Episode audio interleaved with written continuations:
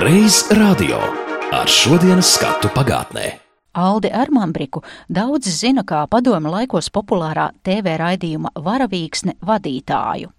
Raiva Veidenbauma arī kļuva pazīstama caur televizoru ekrāniem kā šlāgeraptaujas vadītāja, bet Aiva Rozenberga, pateicoties preses sekretāra amatam, savulaik strādājot pie valsts prezidentes un tagad pie ministru prezidentes. Taču visiem šiem minētajiem cilvēkiem pirmā darba vieta bija Latvijas radio. Reiz radio Par televīzijas popularitāti liecina interviju skaits.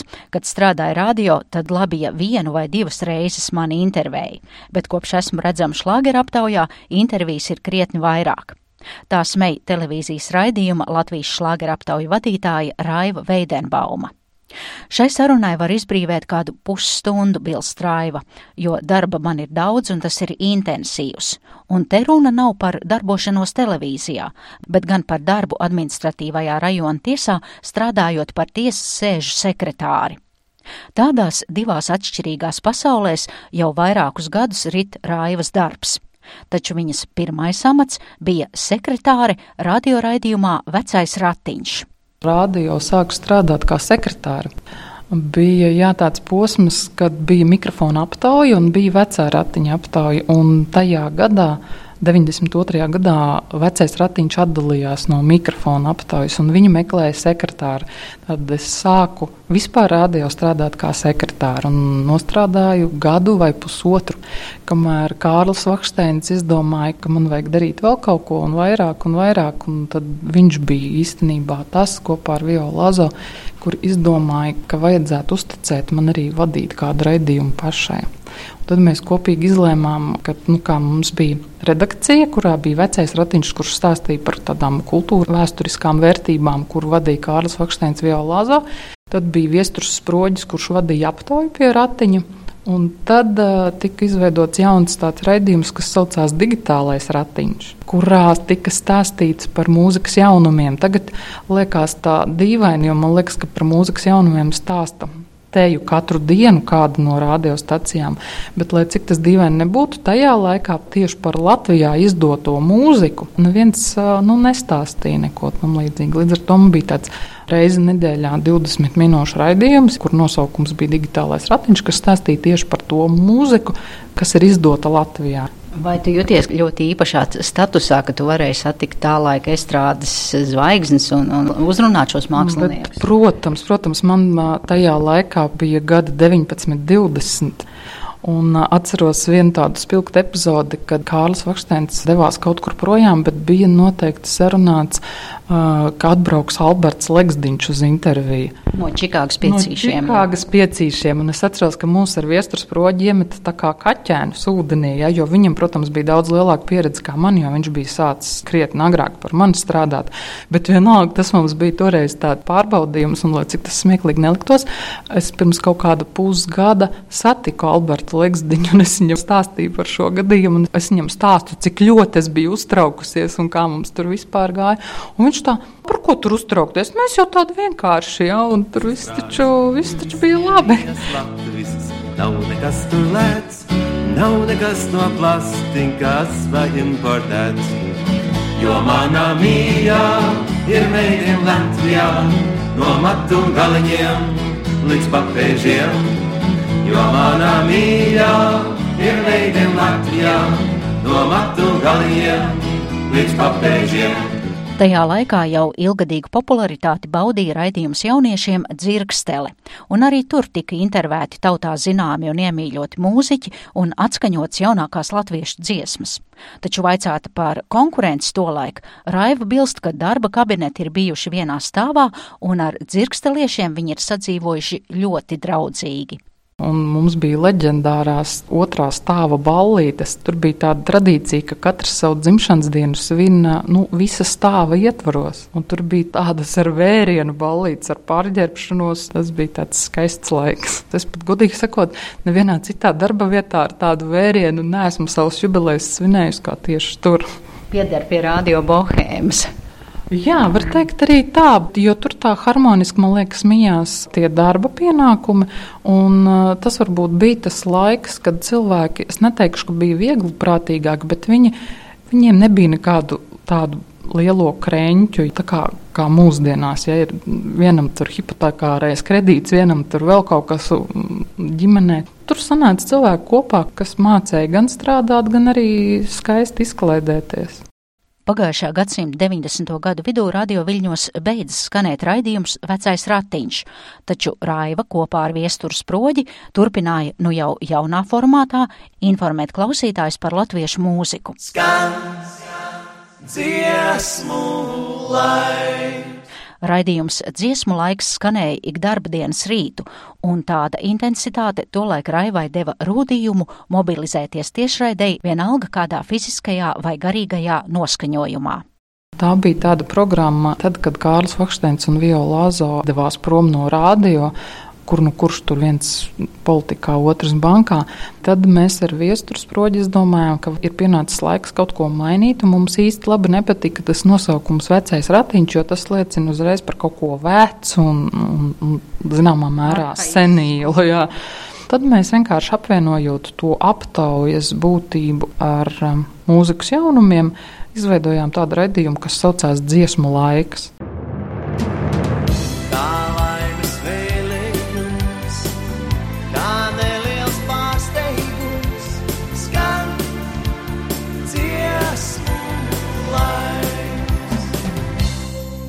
Mums bija tieši katru rītu tiešraides pēc rīta ziņām. Līdz ar to tas bija tāds, man liekas, ļoti veiksmīgs bloks. Tad bija programma Labrīt, līdz 9. 9. bija ziņas, un pēc 9. uzreiz tiešajā ēterā bijām mēs ar viesturu. Pirms mikrofons nebija ieslēgts, tagad tevi zina kā Latvijas televīzijas šlāgera aptaujas vadītāju, un tu teici, ka Rādio tomēr cilvēki var justies brīvāk, jo to seju neredz, un ja arī tu esi slims, bet tevi tiešrai tu var savākties un atnākt jums katru rītu, tomēr bija jāiet uz šīm tiešraidēm.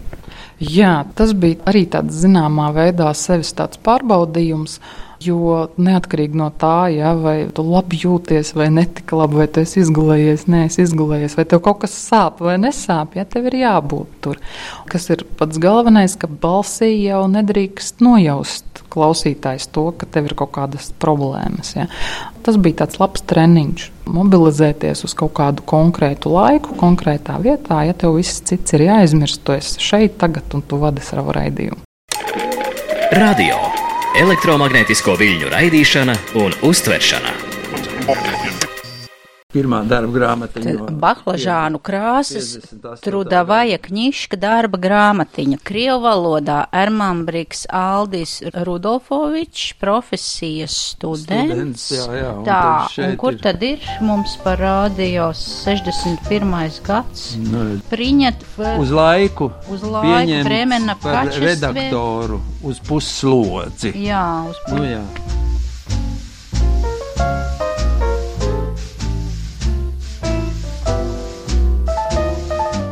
1950. gadu beigas un 60. sākums. Žurnālistikas un konservatorijas students Aldis Armambriks pa vakariem spēlē skolotāja nama orķestrī un vēl atrod laiku, lai atsauktos radio aicinājumam aizvietot sasirgušu darbinieku ziņu redakcijā.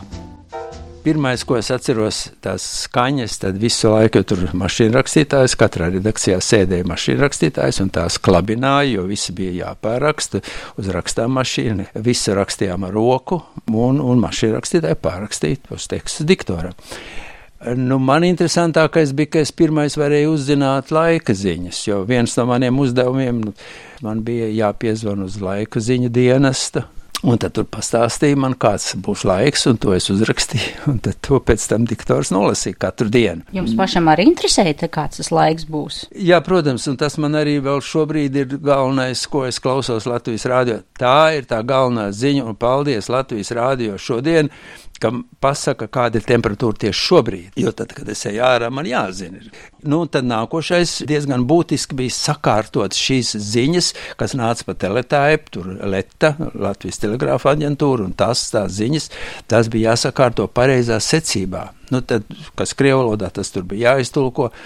Bet eh, ļoti svarīgi, lai PSRS centrāla komitejas un kas tur, lai tas būtu noteikti pirmais, lai nesanāktu kaut kāda kārtības maiņa. Un, ja bija kāda pārmetuma, ko es atceros, jo pēc tam jau lasīju un parakstīju daudz citi cilvēki, vecākais redaktors un, un, un galvenais redaktors, un ja nu tur bija šī kārtība ne tāda, tad man to pirkstu stirināja un purināja un teica, nu kā tad tā, tas taču ir mazāk svarīgs. Cik ilgi jūs nostrādājāt ziņās? Nē, es ļoti maz, es tikai aizvietoju, laikam, slimības dēļ, tas bija, tie bija daži mēneši. Tomēr radiobacils bija inficējis mūzikas un žurnālistikas studentu Ermambriku, un pēc pāris gadiem, 1964. gadā, viņš top par radio štata darbinieku. Amata nosaukums - klasiskās mūzikas un muzikāli izglītojošo raidījumu redakcijas literārais redaktors. Iesākumā Aldim Ermambrikam bija jāpāraksta diktoriem domātie garie papīru palagi par mūziku. Darbs vienmuļš un nepavisam tīkams. Līdz pamazām jaunais redaktors ēterā sāk veidot informatīvus raidījumus par mūziku ārvalstīs un Latvijā.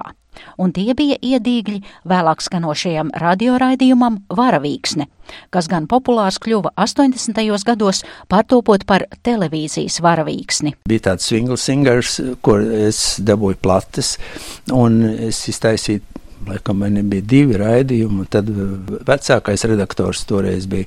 Un tad viņš teica, nu, bet to taču nevar, jo viņa skata manierē bez balsīm, tas tāds, tāds, nu, džeza manierē, kas saka, ritmu grupu mazu un, un, un vokāls ansamblis dziedāja. Piemēram, Mocarta mazo nakts mūziku.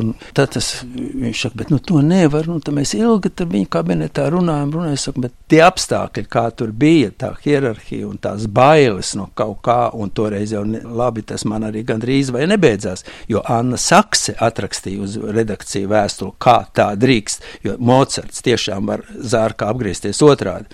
Es riskēju, un es uzrakstīju pats Annai Saksē atbildi, kaut gan es to nedrīkstēju darīt, jo sevišķi Annai Saksē tur vajadzēja mm, augstāk stāvošām personām. To ar bažām gaidīju, kas notiks, un es pierādīju, kā nu mācēdams, ka tas nav slikti, bet Anna Saksa palika klusa. Viņa tomēr bija inteliģenta sieviete, un, un viņa varēja sūdzēties par to, ka es neņemu viņas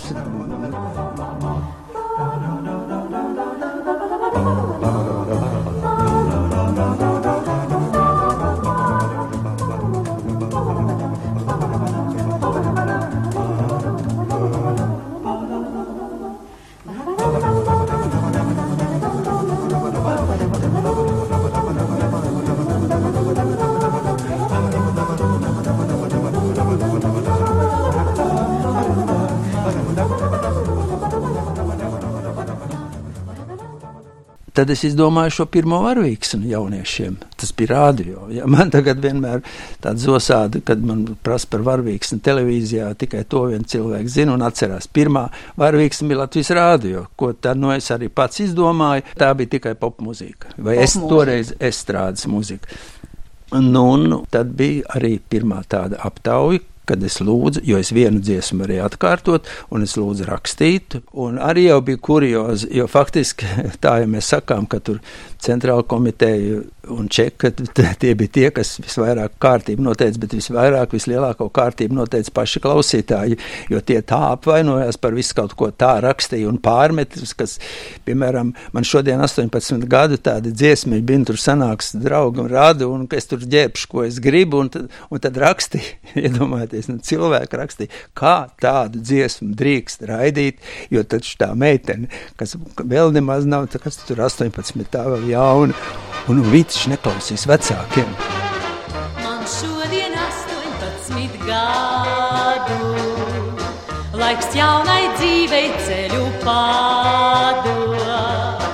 Es tagad lielā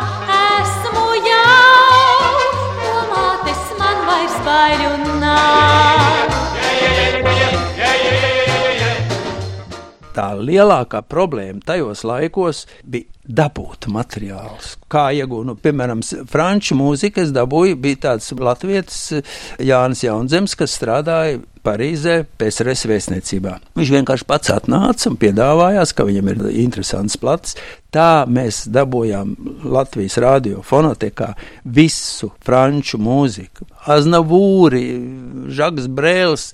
Matjē, visi tie ir šādā veidā. Vēl jāpiemina, piemēram, Vestsaidas stāsts. Es arī dabūju no Ģederts Ramanas, komponists savienības priekšnieks, bija atvedis un Mēs jau visi pazinām un sazvanījāmies. Es nezinu, kā es dabūju zināt, ka viņam ir šis vestsaites stāsts Bernsteina, un es uztaisīju muzikālu uzvedumu ar sižetu, ar šo tekstu, ar diviem aktieriem. Tas vēl tagad šeit fonotekā esot, um, tas ir tāds, nu, arī muzikāls uzvedums, lomas un skana visu šī mūzika. Lūk, arī fragments no 1965. gada ieraksta, kur Vestsaidas stāstu līdz klausītājiem aiznes aktieri Dina Kvelde un Juris Lejas Kalns.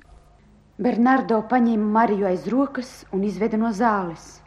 Bet Tonijs stāvēja kā apmāts. Viņš pat necentās aptvert visu notikušo. Galvā bija savāds tukšums, bet sirdī bezgalīgs prieks. Marija, viņu sauca Marija. Tonijs sāka lēniet uz durvīm, caur kurām tikko pagājis šī pasakainā būtne un klusi pie sevis atkārtoja tās vārdu, kas bija ieguvis burvjas spēku. Un lūk, viņš jau atradās uz ielas. Maria, the most beautiful sound I ever heard.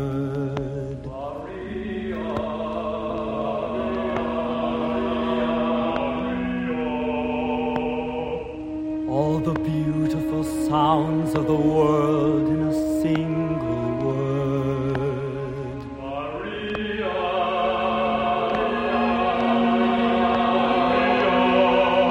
Maria, Maria, Maria. I've just met a girl named Maria, and suddenly that name will never be the same to me. Maria, I've just kissed a girl named Maria. Reiz radio. Redzi, kādā lieliskā vietā ir mana darba vieta, teica Latvijas valsts ministru prezidentes preses sekretāre Aiva Rozenberga. Paveros pa ministru kabineta logu. Tur zaļo liepu aleja un zeltainos kupolus spīdina Rīgas Kristus piedzimšanas pareisticīgo katedrāle. Tomēr pēc brīža Aiva teiks, ka ik reizi ieejot radiomājā, kas pirmajā brīdī šķiet tumša un pat drūma, viņu pārņem nostalģija pēc tās brīvības un dinamikas, kas valdīja tajā laikā, kad Aiva tur strādāja. Ar Aivu Rozenbergu man saistās personīgas atmiņas sākot darbu Latvijas radio pagājušā gadsimta 90. gadu vidū. Gluži tāpat kā iepriekšējo sarunu biedru Aldi Ermambriku, mani uzaicināja ziņu dienestā aizvietot atvaļinājumā esošu kolēģi. Agrie rīti, tempā jātulko ārzemju ziņu aģentūra jaunumi, un teksts ir jāpārveido klausītājiem baudāmā valodā. Stress bija pamatīgs, un tam, ka ne reizi vien ziņas sakarīgos teikumos veidots un laikus tika nogādāts diktoriem, man paldies ir jāsaka pieredzes ziņā bagātākiem kolēģiem, un tostarp arī Aivai, kas nomierināja un palīdzēja izturēt straujo ziņu tempu.